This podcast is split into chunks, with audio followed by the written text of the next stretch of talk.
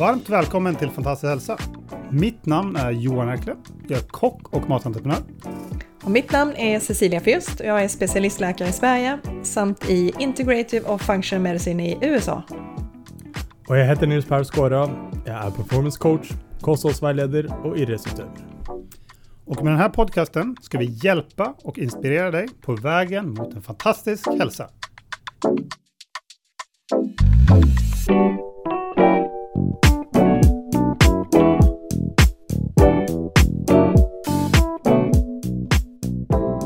Yes, då är vi tillbaka igen. Välkommen Nils och Cecilia.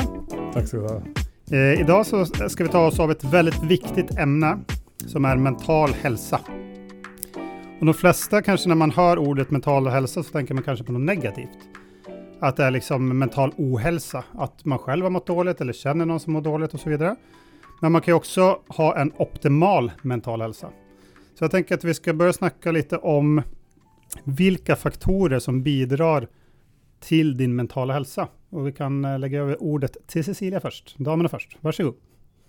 Ehm, alltså mental hälsa, då pratar vi om, eh, vi pratar om känslor, vi pratar om eh, psykologiska faktorer, vi pratar om vårt sociala sammanhang, alltså vårt nätverk. Eh, vi pratar om hur vi, vad vi har för förutsättningar, näringsämne, att vi inte har brister. Ehm, ska man titta på faktorer så ska man titta på att vi har olika biologiska förutsättningar, alltså våra gener spelar faktiskt en ganska stor roll Ehm, i vår förmåga att hantera olika typer av känsloaspekter. Och vår hjärnas biokemi, alltså de här signalmolekylerna som vi har olika förmåga att bilda olika snabbt och eh, olika förmåga att återhämta kommer att påverka hur du mår. Eh, vi har vår livserfarenhet som kommer att spela en stor roll. Ehm, om vi har varit med om roliga saker i livet, tråkiga saker i livet, trauma, alltså väldigt allvarliga händelser, Eh, kommer naturligtvis att påverka eh, vårt hälsostatus mentalt och hur vi mår i vardagen. Eh, och något som också eh, påverkar oss väldigt mycket det är också om man har haft nära relationer där någon har mått dåligt. Eh, kommer också att påverka hur man själv mår och ser på Eh, fenomenet mental hälsa. Ja.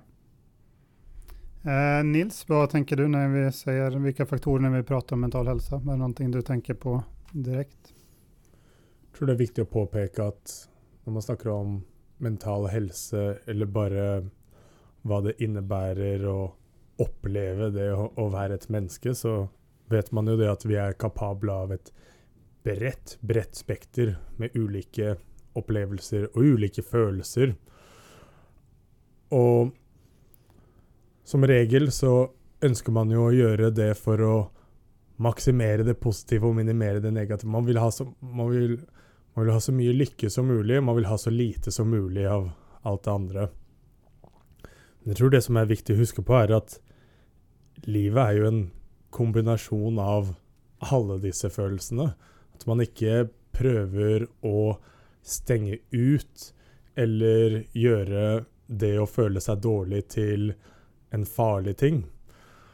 Väldigt ofta så tror jag folk sliter med att man man fortrenger allt det som är dåligt för man inte tillåter sig själv att känna det og man eh, man overidentifiserer kanske med negativa känslor och positiva känslor också. Hvis man hvis man tillater seg selv å føle dårlige ting på lik linje med å føle positive ting, og man ser det fra et perspektiv at man er bare et, et bevisst vesen rett og slett, som opplever alle disse tingene uten at man er de tingene. Det ligger litt i det norske språket at man sier 'jeg er glad', 'jeg er lei meg'. Det er vel det samme på svensk. Det ja. fins språk hvor man ikke gjør det. Det påvirker nok til en viss grad hvordan man konseptualiserer akkurat det der. Man snakket om, vi snakket om dette med meditasjon tidligere. Når man En vanlig meditasjonspraksis er at man faktisk Når man setter seg Når man roer ned sinnet fullstendig, så oppdager man det at man har en del av seg selv som faktisk bare observerer alt man opplever og føler. Så hvis du, hvis du tenker et eller annet, hvis du føler noe, så kan du se det fra et utenfra-perspektiv, eller sagt på en annen måte, se det fra et innifra-perspektiv.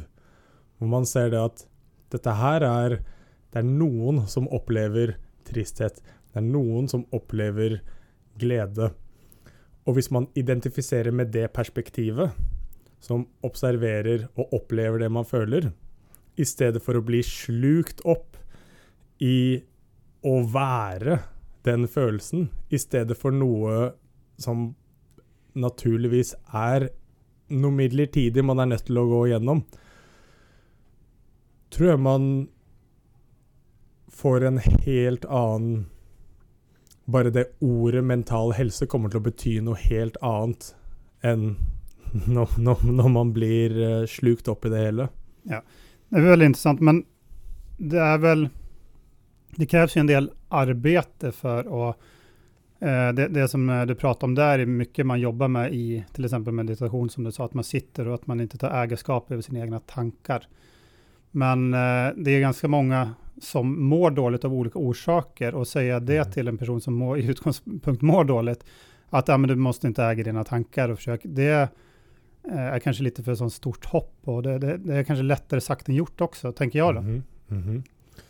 Så Det- jag vet inte. lettere sagt, altså det er det, er det ultimate man kan oppnå, Ja. omtrent. Å komme i en slik tilstand hvor um, Altså, det å, det å oppleve at man har et selv, det å oppleve at man har et eh, ego Det er jo noe Også hvis man går dypere inn i en meditativ praksis, så jo det Kan man oppleve at det hele egentlig kun er en illusjon.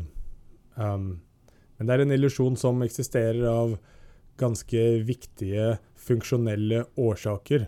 Fra et evolusjonsmessig perspektiv så er man nødt til å ha et ego for å overleve, fordi man må beskytte den, denne organismen, dette skallet som man går rundt med, som kalles kroppen.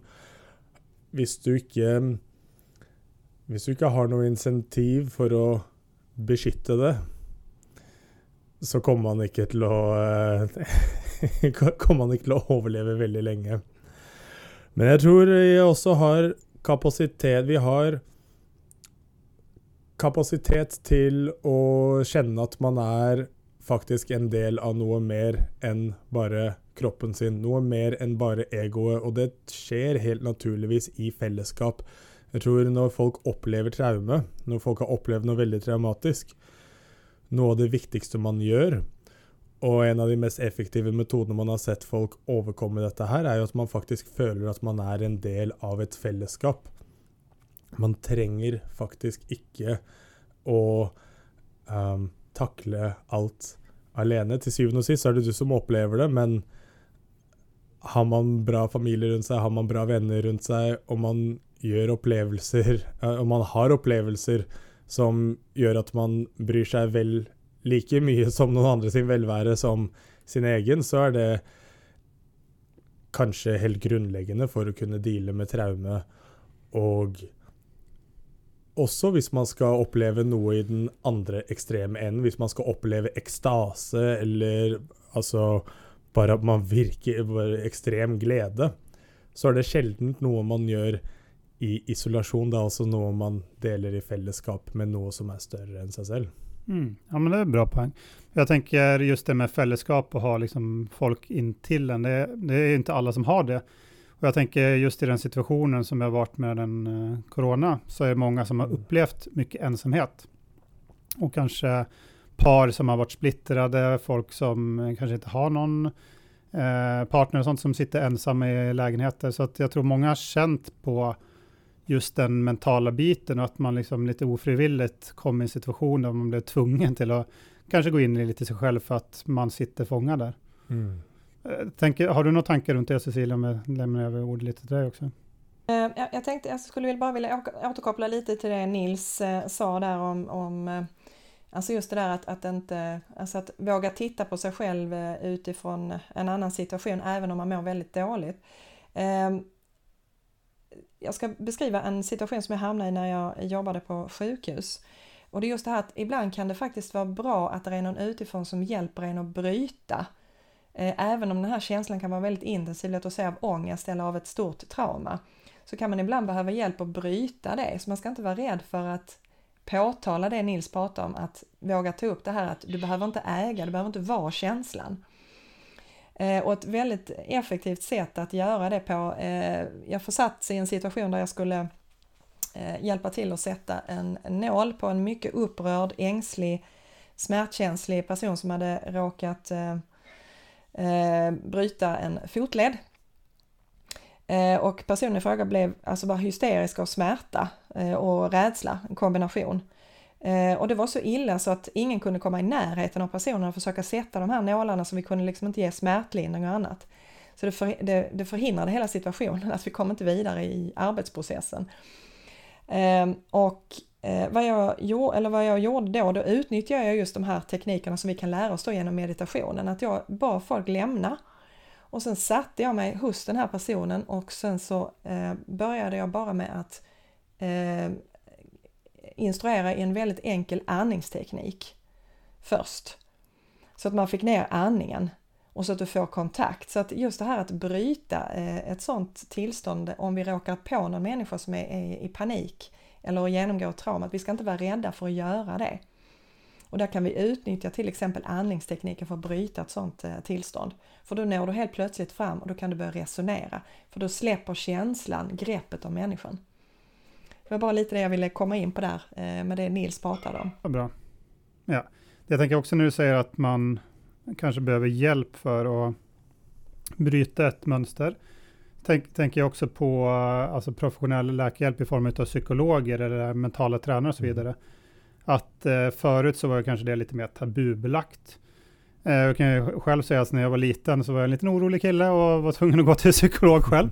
Eh, och kanske just när jag gick dit så tyckte jag, men varför ska jag gå hit? Och det här var ju lite konstigt och tyckte det var lite pinsamt. Men egentligen, alltså nu när man har blivit mer, lite äldre och lite mer vuxen, så tänker jag att det är superpositivt. Egentligen borde ju kanske alla gå till sin psykolog, för man går till en personlig tränare för att få tips på, på hur man ska träna. Man kanske läser recept eller kollar på kockprogram för att se hur, en proffs, hur man lagar mat. Men man ska bara kunna ha koll på sin mentala hälsa själv utan att man har egentligen någon utbildning till det. Eh, och där tycker jag att eh, där är en psykolog eller mental tränare en perfekt och det ser man väl idag också, om man ser på elitidrottare eller folk som presterar på väldigt hög nivå. Ofta har de ett team runt sig med mentala tränare eller psykologer som coachar dem eh, för att de har, eh, ja, i deras liv. Där, liksom. Så jag, jag, tänker att, eh, att det inte alls är no något eh, negativt som det har varit eh, kanske sett på förut. Jag vet inte vad ni har några tankar där direkt? Mm. Ja, jag tror att så det, när du nämner tillbaka till da du vokste opp og var en unge, så tror jeg dette Inne på dette temaet med traume Altså, livet er jo traume. Det er en del av å være i live. Det er en del av å være et menneske. Vi opplever alle traume til ulik grad og på ulike måter. Men spesielt når man vokser opp, den sårbare tilstanden man er i når verden er helt ny, og veldig tidlig i livet også, helt fra man er et spedbarn og man er helt hjelpeløs, så blir man jo utsatt for mye forskjellig traume som man ikke har kontroll over engang. Og det er veldig mye forskning som viser til det med bare, bare det første året man lever, og spesielt de første tre årene man lever, den traume man blir utsatt for i løpet av den tiden, det, det sitter i nervesystemet. Det, blir, det er en del av deg resten av livet. Og man kan jo ikke huske det engang. Så det er et ganske stort eh, ansvar. Da innser man hvor, hvor, stort ansvar man har som foreldre også. sørge for at det, Og det er urealistisk at det barnet kommer til å komme gjennom den perioden uten noen form for traume. Så de trenger også litt, litt opplæring. Ja, ja. Det, det, ja det, det, som är litet inspel där var, det är kanske därför också det jag också själv spekulerar på, jag kan bara avslöja en annan personlig sak, att jag var ju för tidigt född, så jag blev satt rätt i en kuvös och mm. låg där, jag var väl en månad för tidigt född och liksom mm. vägde väldigt, väldigt, väldigt lite. Så jag har ju själv spekulerat, kan det vara det som var liksom mm. supertraumatisk start på livet? Mm. För nu är de ju väldigt noga med att de lägger barnet på bröstet till sina föräldrar direkt för den mänskliga närheten är så viktig direkt. Så det var ett litet ja, inspel, kanske därför jag var lite orolig. Nämligen, men det som då är så viktigt är ju akkurat detta här med um, apropos de ulike ulike bevissthetsnivåene, ulik hukommelse som man har i kroppen. Så selv om man ikke har noe bevisst hukommelse av disse tingene, så det setter seg i nervesystemet, biokjemisk, i hjernen påvirker måten man opplever og lever ting senere, eh, måten man opplever ting senere som barn, og ikke minst som voksen. Men selv om man ikke kan gjøre noe med det som har skjedd, og man kan ikke gjøre noe med de effektene det eh, sitter igjen med, så kan man jo faktisk ved å være bevisst over det, endre tilstanden i en voksen alder, da kan man påvirke det. Da kan man ta kontroll over det. Og sannsynligvis så trenger man litt hjelp med det også. Som du nevnte, en, sant? en psykolog er jo um, har jo eh, trening og erfaring med å, å deale med akkurat disse sak, barndomstraume, vet hvilke spørsmål man skal stille for å få fram det som er relevant. Det er noe som kanskje ikke er så veldig lett å, å gjøre på egen hånd, men det alle har godt av å gjøre på egen hånd, er eh, Eller det bare alle har godt av å gjøre, og om det er på egen hånd eller eh, sånn, sammen med noen andre, så er det jo bare um, og reflektere litt over hvorfor man er som man er. Forstå hvorfor man er som man er. Mange tror kanskje at å, det er, det er bare sånn jeg er født, eller det er bare personligheten min, og jeg kan ikke gjøre noe eh, med det. Sånn er jeg. Men det man ofte gjør feil av å tro at man er, er jo bare eh, et mønster, en serie av eh, vaner, fysiske og psykiske tilstander som har akkumulert over tid, som kan gå helt tilbake til barndommen, helt tilbake til man var et spedbarn. Men ved å bli bevisst over disse prosessene i en voksen alder, så kan man faktisk reorganisere ting på en måte som gjør at man kan hile fra traume man har hatt i kroppen hele livet. Det går an å gjøre noe med det, men ikke hvis man er bevisst over det. Så det er første, første del av prosessen. Bli bevisst på det på en eller annen måte, enten gjennom refleksjon eller hjelp med en profesjonell som kan sakene. Mm, veldig bra. Har du några tankar där Cecilia? Jag tror inte man ska bara stirra sig blind på, eh, blind på professionell hjälp här. Alltså, jag hade önskat att man hade fört in, alltså i redan, alltså redan under eh, alltså skoltiden egentligen, att man fick lära sig eh, andningstekniker till exempel och när du kan använda dem. Det, behöver inte, alltså det är mer att du har en erfarenhet av det eh, och kan hjälpa barnen till exempel med att oh, nu ser jag till exempel att du är arg. Eh, nu går vi lite här åt sidan och sen så tar du ett par djupa andetag och så frågar man hur känns det nu? Alltså jag menar på att man för in det på ett ganska naturligt sätt och att det blir en del i undervisning och utbildning.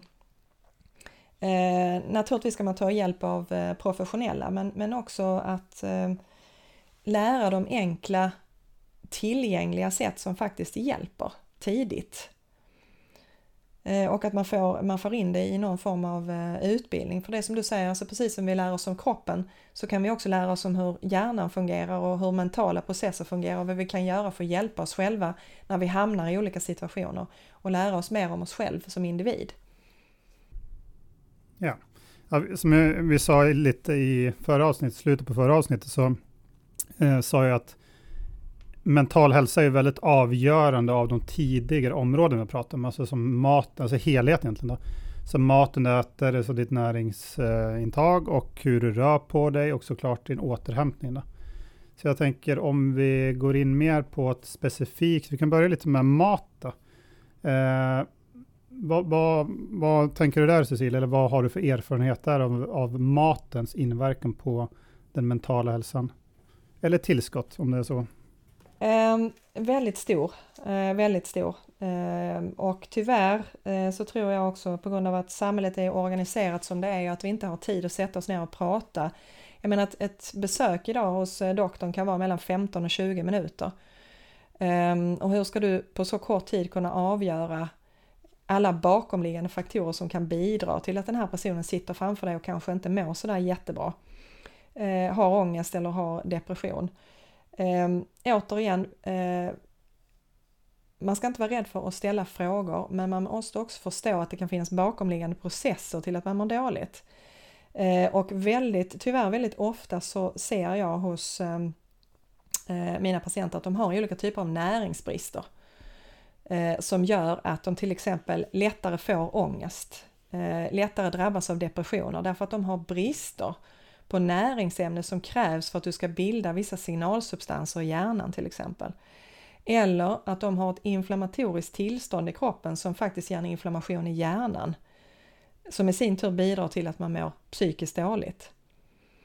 Ehm, så att när du, när du ska titta på en person så, så ska du ta in alla de här Eh, bitarna och då är näring och mat eh, extremt viktiga för de kan alltså driva en process av en depression eller en ångest och sätter du då bara in ett läkemedel för att dämpa de här symptomen så hjälper du inte patienten framför dig. Den kommer fortsätta må dåligt därför att den har fortfarande triggerfaktorer som driver fram eh, de här reaktionerna i kroppen.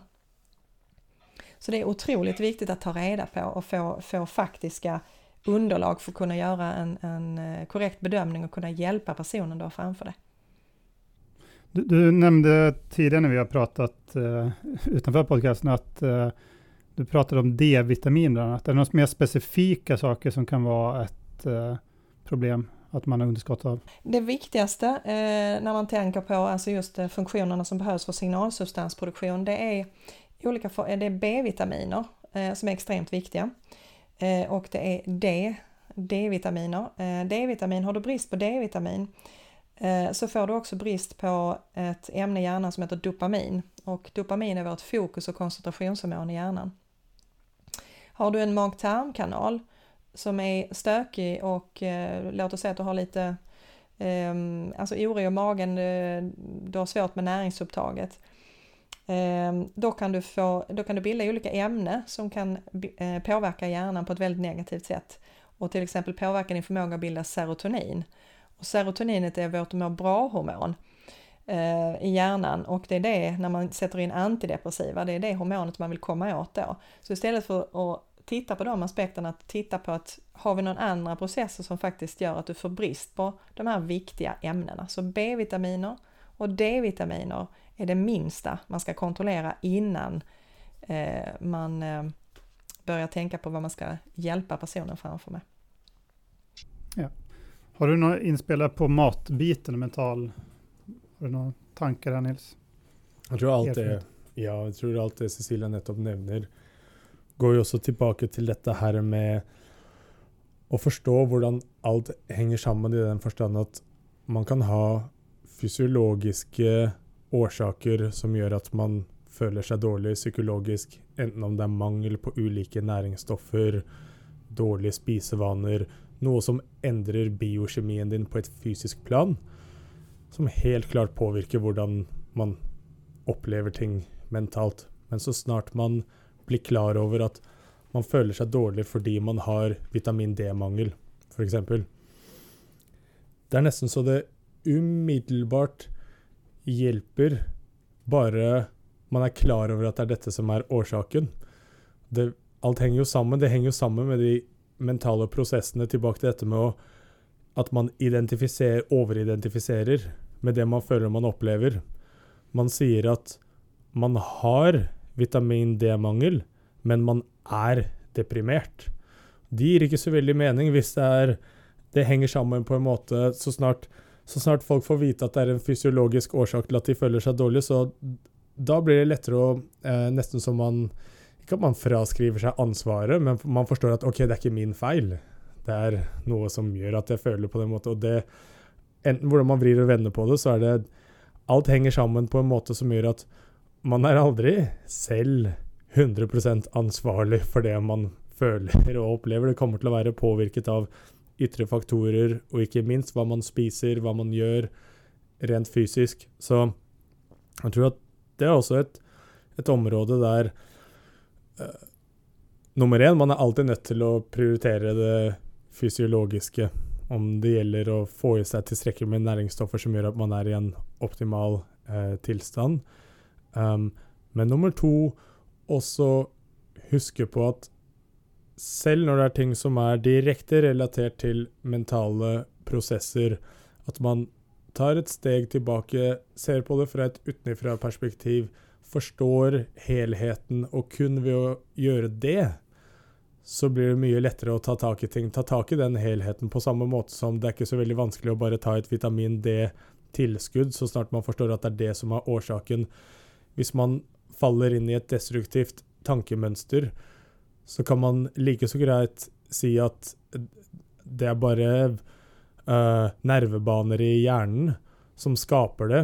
Jeg leste en bok, nå husker jeg ikke nøyaktig hva den het, men vad var skrevet det var en um, en nevroforsker og psykolog som jobbet med pasienter som hadde OCD, husker ikke hva det heter på norsk nå, Obsessive Compulsive Disorder, hvor man har sånn tvangs... Man må, jeg må tappe på bordet her fire ganger før jeg gjør et eller annet. Og, og diverse. Og de slet jo veldig med at um, Selvfølelsen av at de ikke hadde kontroll, og det er Ja veldig, veldig, lett å eh, skylde på seg selv for de tingene. Når han gikk inn og forklarte til disse pasientene Han viste dem um, Hadde tatt sånn hjerneskann og viste hvilke nervebaner i hjernen som på en måte bare satt i spenn. På samme måte som man sier at uh, man har en muskel Hvis du har en muskelknute, og du må bare gå til en fysioterapeut for å få løsnet opp muskelknuten Du blir ikke du anklager ikke deg selv for at du har fått den muskelknuten. Du tenker det det er bare noe som har skjedd i kroppen min, dette her kan jeg fikse. På samme måte så er mange av de mentale prosessene er bare nervebaner som står i spenn. Når den psykologen her og var nevroforsker forklarte til pasienten at det er pga. denne, kall det hjernemuskelknute, som gjør at du opplever det du opplever. Og det får dem da til å se det fra et utenfra perspektiv, hvor de ikke de identifiserer ikke på det på samme måte. Bare det å bli bevisst over det hjalp enormt. Um, men det hjalp også med at de kunne ta tak i det. fordi da forsto de fra et utenfra perspektiv OK, hvis jeg bare kan endre disse nervebanene Og da er det ulike metoder og teknikker man kan bruke for det, da, som psykologer eh, har. Men det som er til felles, og det han anvendte veldig mye, som er ironisk nok blitt veldig hot innenfor vestlig psykologi de siste ti årene og har vært veldig, veldig sentralt tema i østlige tradisjoner i tusenvis av år, er dette begrepet mindfulness. Jeg liker nesten ikke å bruke det, fordi det har blitt så Det har blitt sånn overbrukt, men det er jo bare det å være 100 til stede og bevisst. Og hvis man lever i en slik tilstand, så vil man også være bevisst over sin egen bevissthet, bevisst over sine egne mentale prosesser, som gjør at man er i en helt annen posisjon til å kunne takle det, ta handling over sine egne tanker og sitt eget liv, enn hvis man ikke er bevisst. Så det er noe jeg tror er en, en, noe alle burde ha en, en grunnleggende praksis for å, for å kunne være i den tilstanden så mye som mulig. Både for at man skal oppleve livet fullt ut og ha det så bra som mulig, men også sånn at det er lettere å takle um, Kall det mentale problemer, om man vil, da, som uh, dukker opp i løpet av livet, som det gjør for alle sammen. Ja. Men å være fullstendig nærværende, du, du nevner at man kanskje skal ha en praksis på det. Et eksempel der kan vel bare være at forsøke å være litt observant på det man holder på med. Mm. Så at om du nå spiser mat, tenk på at nå sitter jeg faktisk og spiser mat. Och liksom hur smakar det, hur, liksom, vilken textur har det. Inte sitta och slänga i dig maten framför tvn. Ja. Eh, eller om du är ute och går, tänk på hur du, foten möter backen. Det finns mm. ju till exempel sån gående meditationsformer och sånt som är väldigt, väldigt intressant. Eh, så det är väl det jag tänker på. Eller var det något, något sånt? Eller vad menar du när du sa praxis på att vara 100% til stede? Ja, det er jo akkurat som du sier. Det, det kan jo være veldig mange forskjellige ting. Nå bruker man jo meditasjon, mindfulness-meditasjon som en praksis for at man skal være mer til stede. Men det er akkurat som du sier, det er jo noe Det er jo noe man ideelt sett har i hver eneste handling, eh, altså hver eneste bevegelse. Det finnes en balanse på det også. Når man ehm, um, når man, når man blir bevisst over sine handlinger, så kan man også man kan falle i den fella at man begynner å overtenke og være overbevisst på det man gjør. Så det er sånn, I den ene ekstreme enden så har du dette med at du ja, bare slenger noe i deg foran TV-en og bare er helt sånn zombie-modus. Og i den andre ekstreme enden så nå sitter jeg Nå må jeg uh, spise på akkurat den måten her som gjør at jeg tenker og smaker ditt og datt, og kan ikke leve livet på den måten. Men å finne en sånn mellombalanse, da er det nok lurt at Altså dette du spurte hva mener jeg med dette å ha en praksis, da er det akkurat dette at du har Du har kanskje satt av dedikert, eh, konsentrert tid til å være bevisst over disse prosessene, som gjør at det bare skjer naturlig ellers i hverdagen uten at du trenger å tenke på at det er dette jeg gjør, da. Så om det er sånn aktiv meditas meditasjon med en tur, som du sa, eller eh, sitte stille med meditasjon, eller spille et instrument, eller noe sånt. Mm, väldigt bra. Alltså jag tänker, det som jag tänker då är liksom att var, njuta av det man gör egentligen. Mm. Om du går så går du och tänker på att det är härligt att gå. Det känns eh, fint kanske till och med om du går barfota. Då är du ännu mer kon kontaktad med underlaget. Eller om du nu äter mat som att man njuter av att nu sitter jag faktiskt och äter mat och ät, liksom, känner tacksamhet för det. Mm. Eh, det tänker jag kan vara väldigt smart. Eh, det som jag också har väldigt sån, när jag är väldigt mindful eller tillstäder eller eh, närvarande, det är när jag lagar mat som Mm. kock. Då, för då står man med det och så, nu, och så är det liksom det är grönsaken och kniven och skärbrädan kanske och jag. Så det, för mig är det en form för liksom närvaro och meditation också. Har du något inspel på det vi pratar om nu? Eller ska vi gå lite vidare, Cecilia? Eh, ja, nej, det enda jag tänkte på eh, när vi pratar om detta det är just det att man, alltså man måste klargöra vad det är för typ av alltså problem man har framför sig. Om det är någon eh, person som har alltså väldigt, eh, vad ska jag säga, eh, allvarliga eh, bekymmer. Eh, då gäller det att man liksom tittar på alla de här bitarna för att man ska komma åt grundproblemet. Eh, har man problem själv, alltså eh, till exempel med humör eller humörsvängningar, eh, att man lätt blir irriterad, att man har svårt i relationer. Eh, där kan du ta hjälp kanske av lite enklare tekniker. Så jag tror man ska skilja på eh, när det är lite mer allvarliga mental ohälso, alltså ohälsoproblem och eh, lite enklare eh, problem om man kan uttrycka det så. Därför att bakom de här som har lite allvarligare mentala ohälsoproblem där ehm, Eh, bör man titta på alla de här parametrarna som vi pratat om. Eh, psykologiska aspekter, hjärnans funktioner. Eh, det som är ganska spännande som Nils kom in lite på där, det är de här olika typerna av brain imaging. Alltså man kan utnyttja teknik idag, eh, något som heter SPECTCAM, där man kan titta på blodflöde och eh, energi, alltså eh, nervsignalering i hjärnan och direkt få förklaringar till varför man till, till exempel har OCD, alltså eh, svårigheter att styra reaktioner och känslor eh, i, i en form av stressreaktioner. Eh, du kan alltså se det på olika typer av eh, röntgenundersökningar idag och gör du då, lägger du då utanpå det genetik och biokemi så helt plötsligt kommer du kunna hantera de här personerna på ett helt annat sätt och verkligen kunna hjälpa dem i grunden. Så jag tror man ska skilja lite på det här lite enklare att vara och att lära känna sig själv och de här eh, riktiga mentala ohälsoproblemen. Att där, där behöver man göra en mer grundlig undersökning.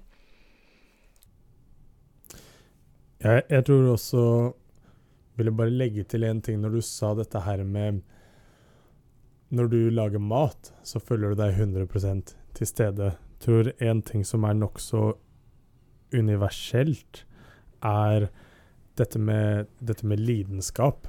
Hvis man har noe man er lidenskapelig opptatt av, så er det nesten umulig å ikke være til stede mens du holder på med det.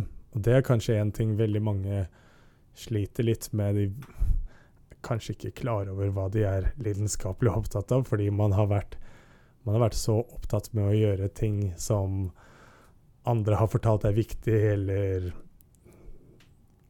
rett og slett ikke prioriterte å finne ut hva, hva er det som bringer meg lykke personlig. Og tror at um, akkurat som Cecilia nettopp nevnte nå, dette med at man må skille mellom um, Kall det mental sykdom, når noe går over Bikker over en terskel der det faktisk er patologisk, altså destruktivt for hverdagen eller generelle helsen til en person, og når man har noe som bare er litt kall det problematisk, eller som gjør at man er litt i ubalanse, eller i den andre enden, hvor man faktisk har det veldig bra, og gjøre ting som promoterer det at man har det enda bedre. Og jeg tror uansett hvor man befinner seg på det spekteret, hvis man har aktiviteter som man er lidenskapelig opptatt av, om man prioriterer og bruker tid på de tingene, nummer én, så kommer man til å ha det veldig gøy. Man kommer til å ha det veldig bra i prosessen av å drive med de tingene. Nummer to, man kommer til å lære ekstremt mye. Både om det man holder på med, man kommer til å bli flink til det, men man kommer også til å lære veldig mye om seg selv. Fordi hvis man gjør noe med full oppmerksomhet og med full lidenskap, så kommer man i en slags mental tillstånd som gör att man oppdager ting som man inte hade uppdagat ellers. Så det är kanske också... um, bara, bara det att ha ett känna att man har ett kall, att man har en mening, och att, att man bränner för det man gör. Om man inte har det, så kommer man nog till att uppleva Kall det problemer som ett resultat av det. Och om man har det, kommer man till att uppleva det det motsatte. Ja. Hun, kommer til å, hun kommer til å ha det bra med det. det var bra, väldigt bra poäng. Jag tänker också att eh, det du säger är att man har kall i livet, man har en passion. Det som kanske är lite problem med dagens samhälle, att, eh, med informationssamhället, att man, man vet allting som finns där ute. Du kan bo, eh, alltså inte alla människor, men det, där vi kommer ifrån i väst och norra Sverige så har du liksom så mycket möjligheter.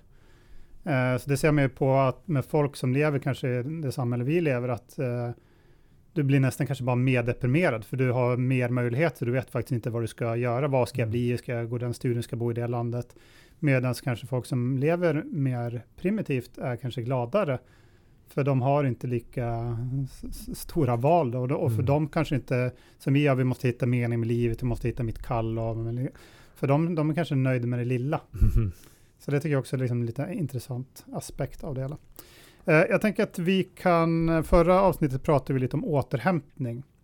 Och jag har bara lust att nämna det att just eh, sömn har jag läst en del och har liksom lite erfarenhet av att om du nu inte sover så kan det vara en väldigt, väldigt stor konsekvens. Du kan faktiskt bli galen. Eh, vad har du för erfarenhet eller tankar runt det Cecilia? Ehm, absolut, alltså du kan ju driva sjukdomstillstånd med sömnbrist. Ehm, och det är just det här att du får en så pass kraftig obalans eh, mellan processerna i hjärnan, alltså förhållandet mellan de här olika typerna av signalsubstanser som blir väldigt obalanserad. Och då tappar du verklighetsförankringen. Du, för, du har alltså inte kvar förmågan att kunna bedöma dig själv i din omgivning och i din situation. Utan hjärnan börjar spela dig spratt, alltså du ser och hör saker som kanske inte finns och du kan inte ta in information och bearbeta information på ett korrekt sätt utan du blir förvirrad i situationen. Och blir man förvirrad i situationen då drar sådana här basala eh, delar av hjärnan igång, alltså oro, ångest eh, och eh, aggressivitet. Till exempel för att nämna några. Ehm, så att absolut, eh, sömn är en jätte jättebekymmersam komponent ehm, eh, vid mental ohälsa. Och det är också en av de komponenter man försöker påverka på olika sätt eh, för att påbörja någon form av läkningsprocess. Så det är jätte, jätteviktigt det du tar upp Johan, sömnen för mental hälsa. Ja. Har du några inspel på det eller ska vi gå lite vidare? För att är sömn? Ja. Eller tror akkurat som Cecilia sa, det finnes jo ganske så mye forskning som Og ikke, ikke, bare forskning, men jeg tror alle kan relatere til Alle har opplevd det å ha søvnmangel, regner jeg med. Kanskje noen har opplevd det sånn mer alvorlig enn andre. Men bare, bare ved lettere søvnmangel så merker man jo hvordan det påvirker humøret, konsentrasjonsevne Um, og så er det jo også dette med ekstrem søvnmangel, som kan føre til mer alvorlige ting. Psykoser og diverse som Det er ikke noe man helst skal unngå, så det er enda et, et argument for at man prioriterer søvnen. ja, veldig bra Nils. Eh, jag tänker den sista som eh, jag nämnde var också det här med eh, rörelse, eller att, ja, att man rör på sig överhuvudtaget. Vad har det för inverkan på det mentala? ta damen först igen då, Cecilia. Eh, det har väldigt, väldigt stor inverkan på hur vi mår. Ehm, har det och eh, man kan faktiskt använda eh, träning för att bryta olika typer av mental ohälsa. Eh, du har både aspekten av att det är en gemenskap, att till exempel träna i grupp. Du har aspekten av att vad händer rent fysiologiskt i kroppen när du tränar. Ehm, du gör också något som är ganska spännande, det är att du nollställer väldigt många olika typer av receptorer. Så att du städar bort molekyler som kan störa din information och göra att du tolkar saker på ett felaktigt sätt och helt plötsligt kan du se saker eh, mer klart och, och ehm, eh, till exempel bryta ner ämne som, gör att, som driver oro och depression. Så när du tränar till exempel så bryter du ner stresshormonerna och du höjer dopamin och du höjer serotonin. Så att direkt efter du har tränat så mår du ganska bra och det är är självklart när du förstår fysiologin bakom det, att du bildar alla de här må bra-ämnena. Eh, och som jag brukar säga till patienter med oro och ångestproblematik, det är att utnyttja kroppen fysiskt eh, därför att det kan bryta en ångest och orosattack. Så att ta på dig ett par bra skor gå ut och gå en rask, eh, i rask takt eller om du kan jogga lite lätt eller gå till gymmet och ta ut dig ordentligt i ett styrketräningspass. Du kan alltså bryta och använda träningen eh, för att helt enkelt komma loss och få, eh, komma åt de här mekanismerna som kan göra att du känner dig, har oro eller ångest. Så träningen är väldigt, väldigt effektivt på att förändra och hjälpa oss komma ur olika mentala ohälsotillstånd. Ja, Nils, har du något, du tränar en del så?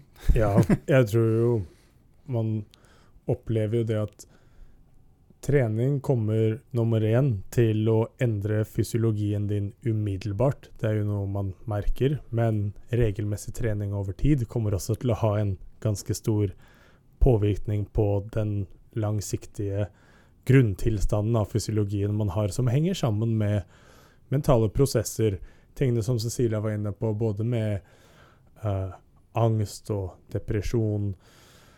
Også de følelsene på andre siden, lykke, velvære. Tror en ting som er verdt å merke seg, er det at to Hvis man ser på antidepressive medikamenter, så er det to hovedmekanismer det påvirker. Nummer én er at det øker serotoninnivåene, og det andre er dette fenomenet som kalles nevroneogenese, som er dannelsen av nye nerveceller i hjernen. Det er nerveceller som splitter seg, rett og slett, og, og gjør at man får kapasiteten til å danne nye nervebaner og ulike tankemønstre. Dette her gjør diverse antidepressive midler. Det som er verdt å merke seg, er at trening gjør nøyaktig det samme. Det stimulerer til nevroneogenese, og det øker serotoninnivåene. Det vil ikke si at trening har nøyaktig samme effekt som antidepressive midler. Det kan godt hende at noen trenger Noen er, er, faktisk nødt til å ha det i en periode for å komme seg gjennom noe tøft. Det får være en vurdering som en psykolog skal ta, men det er nok mange tilfeller der man kunne ha oppnådd en tilstrekkelig effekt ved å være i fysisk aktivitet i stedet for å ty til medikamenter som første um, alternativ. Det er litt på samme måte som ta blodtrykksmedikament uh, som et eksempel. Noen trenger det uansett, enten om det er av genetiske årsaker eller at blodtrykket bare er så høyt at det må, det må medisineres akutt med en gang. Men som regel så er det livsstil som har ført til at man har høyt blodtrykk, og det henger sammen med vekten. Og glemmer aldri da jeg hadde en ehm, um, Jeg hadde en kunde som kom til meg fordi han ville Han hadde gått til legen, han var bare, kun i 30-årene, fått beskjed om at han hadde for høyt blodtrykk, og sa eh, Fikk beskjed om at han måtte begynne med medikamenter. Og han ble litt sånn liksom skremt, og så spurte han legen men hvis jeg går ned i vekt, vil ikke da blodtrykket også gå ned. Og så svarer legen med å si Ja, ja, selvfølgelig, men uh, nesten ingen klarer å gå ned i vekt, så det er ikke du, kan, du kan prøve. altså, da, da, tok han det som en utfordring, og så sa han OK, men hvis jeg får et halvt år på meg, er det nok tid? Kan jeg klare meg uten medikamenter i et halvt år hvis jeg kommer tilbake da og har klart å gå ned i vekt og blodtrykket går ned? Da, da trenger jeg ikke. Så sier han ja, OK, du kan jo prøve, da. så da, da han tok som en utfordring, han var virkelig motivert. Halvt år senere hadde gått ned masse i vekt. Trengte ikke medisinene. Og jeg har også uh, opplevd å ha kunder som har delt det at de går på antidepressive midler da er det selvfølgelig veldig viktig, bare sånn til alle andre eh, som, som jobber med folk som ikke er psykologer, uh, at man da skal ikke, skal ikke gå inn og blande seg med den prosessen der. Men jeg visste jo og var klar over hvor viktig treningen var med tanke på akkurat disse prosessene her, og har opplevd flere ganger at det er flere som da har kunnet gå av de antidepressive midlene over tid etter hvert som de har trent regelmessig. Og da det ikke, betyr ikke at treningen er det som har vært svaret som har gjort at man ikke trenger å gjøre det mer, men at det har vært en faktor i det hele, og at det har spilt en rolle som er med på å normalisere fysiologien på en måte som gjør at dette er eh, mulig, det er det ingen tvil om. Mm, veldig bra. Eh, jag tänker att vi kan gå över lite till, eh, Du jobbar ju mycket med genetik Cecilia. Vad har generna för inverkan på mental hälsa? Jag kan säga att det området ehm, det ökar eh, och kunskapen om det är, blir fantastiskt mycket större och det har mycket större betydelse än vad vi tror från början. Ehm, därför att det som styr omsättningen och balansen av signalsubstanser, bakom det finns det massa enzymer eh, och processer som ska bilda de här ämnena och det ser väldigt olika ut från individ till individ och förmågan att hantera denna balansen eh, är, styrs av dina gener. Eh, och det styrs till exempel hur mycket receptorer du har på ytan i hjärnan. Din förmåga att hålla uppe en viss mängd signalsubstanser i en viss tid och hur du återhämtar de här processerna. Så att genetiken har en jättestor betydelse när du ska gå in och balansera mående.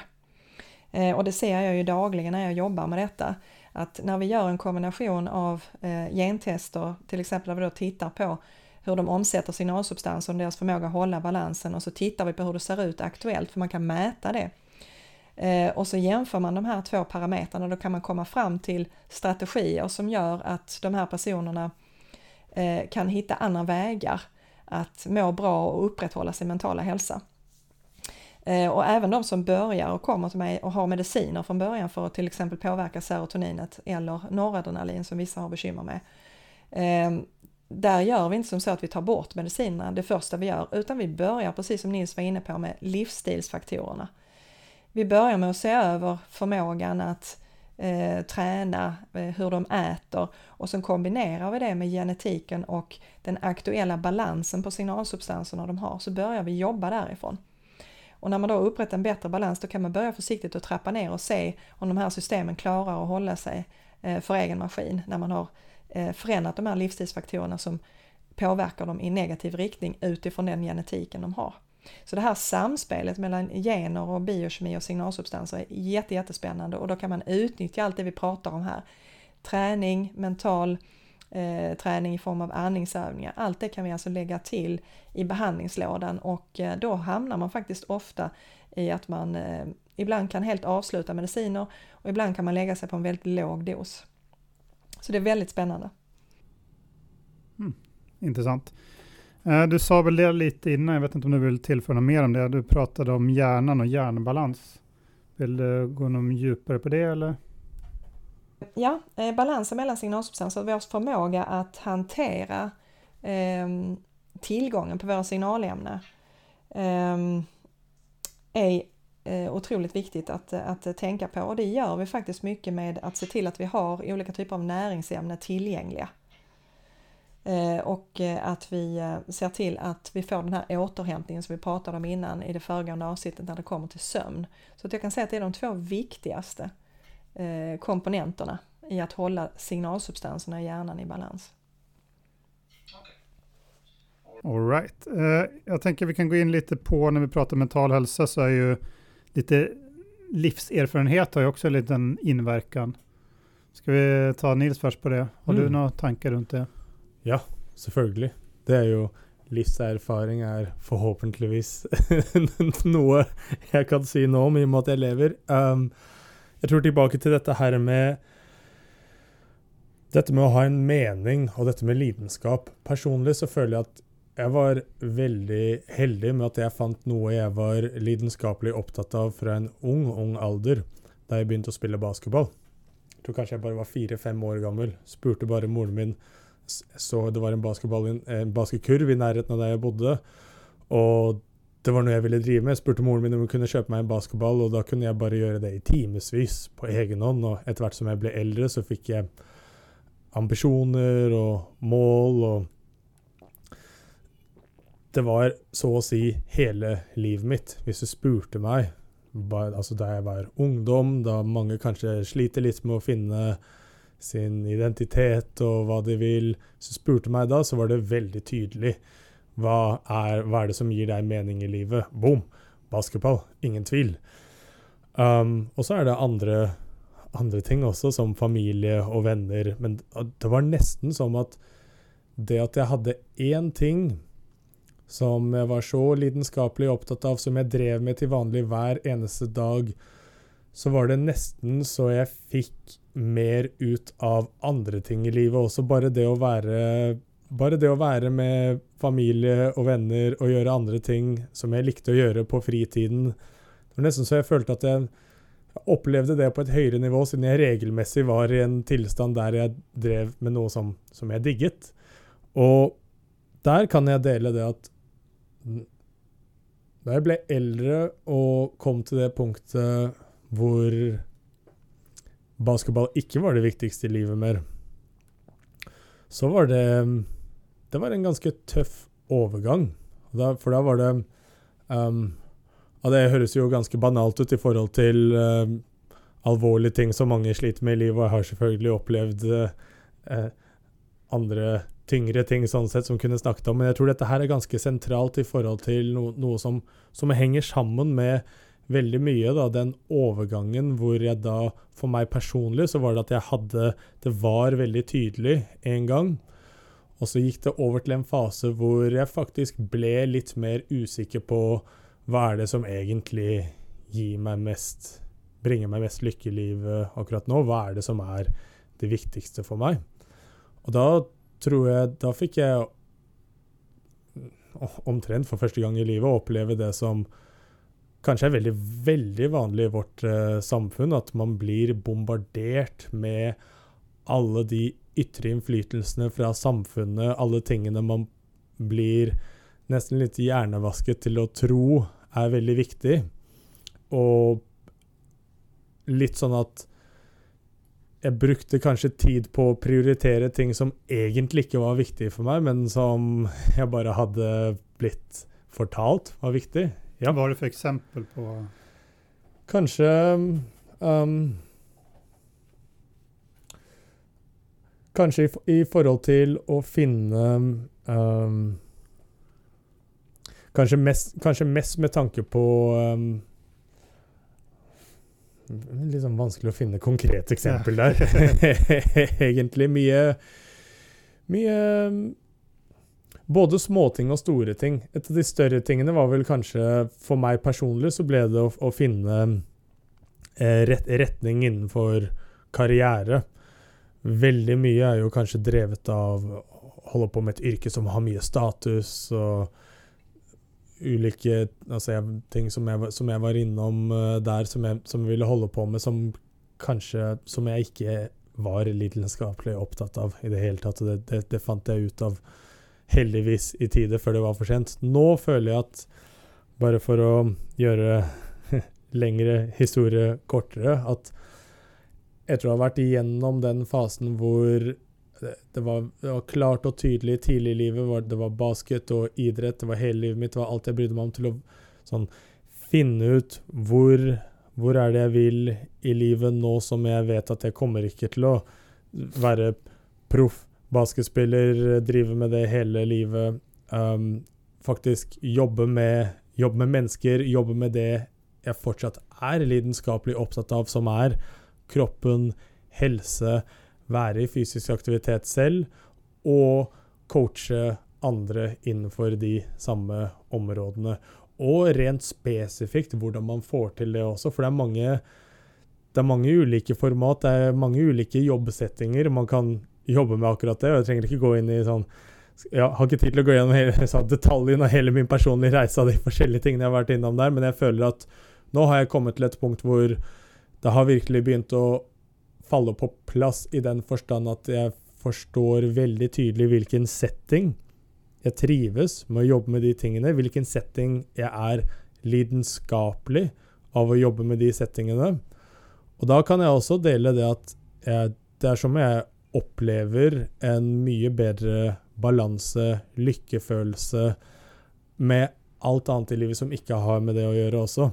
Den perioden hvor jeg ikke, hvor jeg ikke hadde den samme klarheten, så kunne jeg også føle Altså Jeg vil, skal være forsiktig med å bruke ordet deprimert, for det er en sånn, ganske mye respekt for hva den tilstanden innebærer for folk som er dypt deprimerte og går eh, Kan ikke påstå at jeg noen gang var i en dyp eh, depresjon, men opplevde absolutt perioder hvor bare hadde ikke samme hadde ikke samme gnist, hadde ikke samme overskudd eller driv eller motivasjon til å gjøre ting, rett og slett.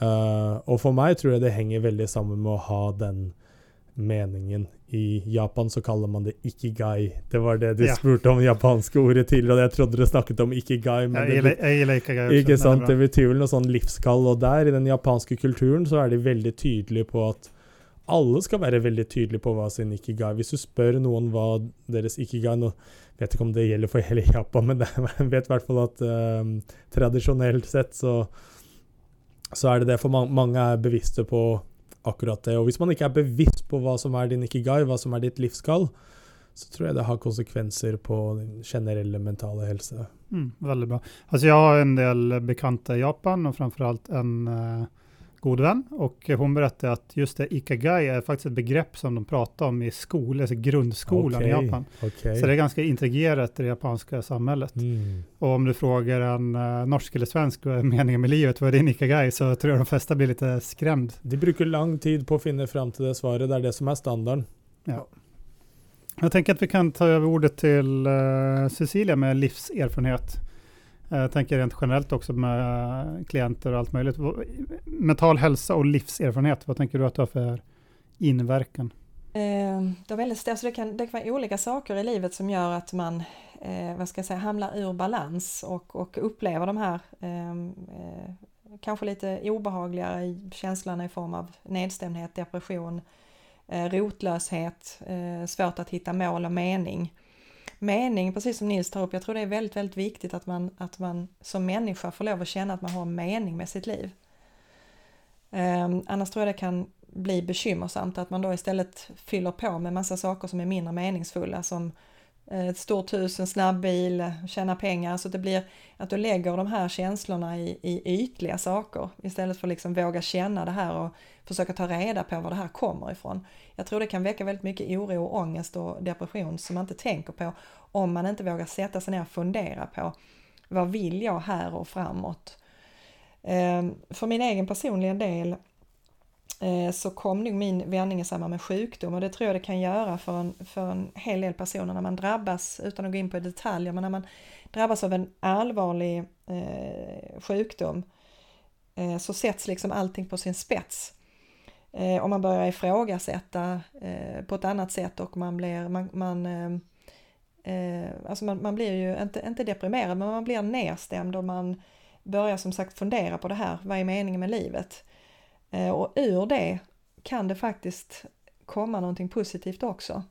När man väl har liksom tagit sig igenom det här eh, första och, och, faktiskt har fått ha kvar livet så leder det ofta till att man ser annorlunda och gör annorlunda och väljer annorlunda. Eh, och det var det som gjorde att jag i alla fall tog steget över och stack till USA eh, och utbildade mig istället inom det som faktiskt kroppen behöver för att hålla sig frisk. Det var där mitt intresse för kroppens självläkningsförmåga eh, på alla plan, eh, både fysiskt och psykiskt, eh, tog sin början. Så det var min personliga resa som tog mig över där och gjorde att jag började se på saker och ting på ett annat sätt och ville göra på annat. Jag vill hjälpa människor att förstå det här sammanhanget med kroppen fysiskt, psykiskt, att, att kunna hantera det och bli sitt bästa jag. Så det var min, min resa in i detta. Ehm, om man tittar på eh, de jag träffar i, i min verksamhet så är det så fantastiskt roligt att få följa med på den här resan när man kanske först möter någon som är väldigt orolig eller väldigt nedstämd och har väldigt svårt att hitta motivation Ehm, och svårt att ta sig ur en situation och se de här stegen som man tar tillsammans med dem när de vänder de här eh, situationerna eh, med hjälp av lite olika tekniker och genom att ta hjälp av människor runt omkring eh, och blir ehm, nöjda och glada och balanserade och liksom kan känna alla aspekter av livet. Glädje, sorg, men att det finns en balans eh, i det och att det inte det styr eh, tankar och, och känslor och agerande utan att man är balanserad och känner att man kan leva det livet man vill. Den processen är fantastiskt rolig att se eh, och jobba med. Så det är väl min erfarenhet av att ta sig igenom olika typer av mentala processer. Väldigt, väldigt bra. Eh, jag kan bara säga lite eh, själv, alltså anledningen att jag sitter här idag och pratar om det här är nog på grund av alltså min livserfarenhet, att jag mådde dåligt när jag var liten och blev intresserad egentligen av allting, hur funkar liksom hjärnan, hur funkar allting? För att jag hade inte lust att vara liksom nedstämd eller ledsen eller undrad liksom varför var man det när man var en liten pojke liksom. Eh, så det har ju lett till att jag har läst alla böcker jag läst, lyssnat på alla podcasts jag läst, alltså gjort allt jag gjort och verkligen gått in på djupet på alla de här områden för att jag vill må så bra som möjligt. Och då, när man, där vi sitter idag, att vi kan dela vår egen erfarenhet och ha gäster och sånt, det tycker jag är ja, helt fantastiskt att vi nu gör det vi gör. Eh, och eh, jag tänker avslutningsvis, alltså, kan jag också ge några andra tips på, på vad jag tycker är bra. Jag, Eh, fortfarande så, såklart har jag dagar när jag känner mig lite nedstämd eh, fortfarande. Jag tror att det sitter kvar. Det kanske är som Nils säger att det sitter kvar det där att jag traumatiska för tidigt för att inte vet jag. Men i alla fall, jag kan eh, vara lite nedstämd vissa tillfällen.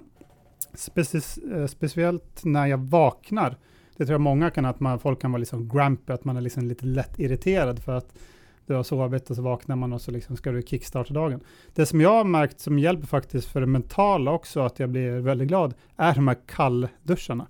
Så jag börjar gå rätt från sängen, rätt in, det kanske inte alla klarar av det här, men, men för mig är det super, super, super bra. För då duschar jag, liksom tvättar av med varmt vatten och sen lite andning och så är det kalla. Och efter är kroppen så energisk och hela kroppen ja, blir glad helt enkelt. Så då går jag från kanske vara lite så här morgontrött till att vara, och liksom, kanske lite nedstämd ibland, till att vara glad, positiv, upplagd för att möta dagen. Uh, hade, hade, hade, du några tankar Nils också ja, på det? Vi ville bara lägga till en ting som um, um, alltså både med egen erfaring, men som jag tror är generellt för väldigt många i förhållande till när Cecilia nämnde detta här med man hele tiden prøver å eh, leve opp til visse ytre standarder, om det er altså ha en spesiell type bil eller visse penger og alt det der. Men jeg tror en, en generell feil veldig mange kan gjøre, som jeg også tok meg selv i i den perioden hvor som søkte litt etter en ny klarhet, det var å rett og slett søke etter ytre faktorer som skulle gjøre at man føler seg lykkelig, og som gjør at man føler seg bra. Og det tror jeg er et sånn direkte resultat av å leve med den vestlige tankegangen vi har. At om jeg, om jeg bare har det, da kommer jeg til å være lykkelig. Om jeg bare oppnår dette, eller om jeg bare kommer meg dit, da kommer jeg til å være lykkelig. Når realiteten er det at lykken er nødt til å stamme innenfra. uansett. Og for meg personlig så var det egentlig slik at jeg, jeg innså på en måte at jeg kunne egentlig bare bestemme meg for at jeg skulle være lykkelig. At det er sånn Før noe ytre saker har hendt i det hele tatt Det er selvfølgelig en dynamikk som gjør at ytre faktorer påvirker det indre, og indre påvirker det ytre, men man er nødt til å starte med det indre.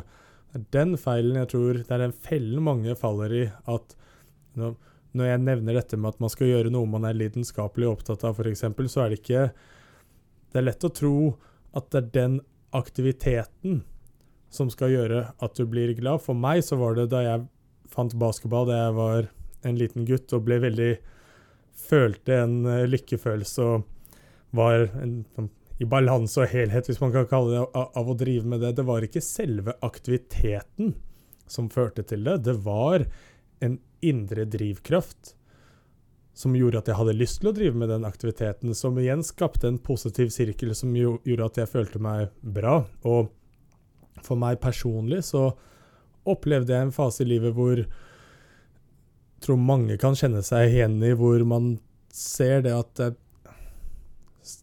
är faktiskt en del yttre faktorer som gör att man borde vara glad, som gör att man borde känna sig bra. Allikevel så reflekterer ikke det helt den indre tilstanden. Men så snart For meg så var det faktisk så enkelt som å bare gjøre et valg. Nå skal jeg være Nå skal jeg være lykkelig. Nå skal jeg sette pris på ting. Og da ble det nesten som at det som De ytre faktorene som var med på å bidra til at jeg skulle føle meg bra, eh, dukket på en måte naturlig opp av seg selv uten at jeg måtte søke det. Uten at jeg måtte søke en eller annen ekstern gjen, til, Kall det en ekstern tilstand, da. Noe um, De aktivitetene som man blir glad Det bare skjer automatisk når man når man, når man, har gjort det valget, når man har gjort den forpliktelsen til seg selv, og man skal prioritere sin, eh, sin, egen lykke på samme måte som man kan gjøre en forpliktelse til seg selv om at jeg skal prioritere min helse, så er jeg veldig tilhenger av og tror på det at man kan faktisk gjøre et tilsvarende valg om sin egen lykke, om sin egen velvære. Starte med å bestemme seg for at jeg skal prioritere å være lykkelig. Jeg skal prioritere min velvære. Da vil det være Starter man med den indre intensjonen, så er det lettere at det ytre faller på plass, i stedet for at man chaser det motsatt vei. Veldig bra, Nils. Jeg tenker at vi kommer ha en egen eh, avsnitt på lykke. Det er også et ganske stort område. Um, det enda innspillet som jeg tenker på når du beretter det, er at uh, lykke Det som jeg tenker på for å oppnå lykke, noe som funkar bra för mig i alla fall, är att känna tacksamhet. Mm. Så att ni pratar om yttre faktorer. Om du är tacksam för dina vänner, för eh, det huset du har, om du är tacksam för att eh, solen går upp på morgonen, om du är tacksam för att du känner vinden i håret när du cyklar till jobbet. Små saker kan vara stora saker, kan vara små saker. Det kan vara din bil som du är tacksam för. Du kan vara tacksam för allting. Eh, då kommer man lättare i ett, i ett tillstånd av lycka, tycker jag i alla fall. För det är många som går runt och inte är nöjd med det man har och inte känner tacksamhet. Men jag tänker det, det, det, är så pass stort så det kan vi eh, gå in på på ett eget avsnitt. Mm. Vill ni tillföra något mer på det här området mental hälsa innan jag tänkte att vi rundar av? Eh, ja, det var bara en sak som vi inte har kommit in på idag som, som eh, man kanske inte tänker på bidrar till ganska mycket ohälsa idag och det är droganvändning bland unga människor. Um, Alltså droganvändning kan trigga extremt mycket mental ohälsa och det kanske de inte tänker på. Eh, och det kan göra det vid ganska låga doser och det är helt enkelt därför att unga människors hjärna är inte färdigutvecklad. Så jag tänkte vi ska nämna det.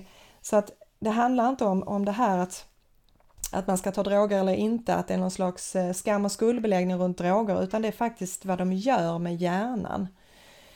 Um, och det påverkar processer, alltså när hjärnan ska bilda sina kontaktytor så är det vissa eh, signaler som ska fram och det är vissa områden som ska nås av kontaktytor och annat. Och droger minskar processer i hjärnan som påverkar bland annat inflammation och de här kontaktytorna eh, i hjärnan. Och sen gör det en sak till och det är att det sker någonting i hjärnan som heter dopamindumpning.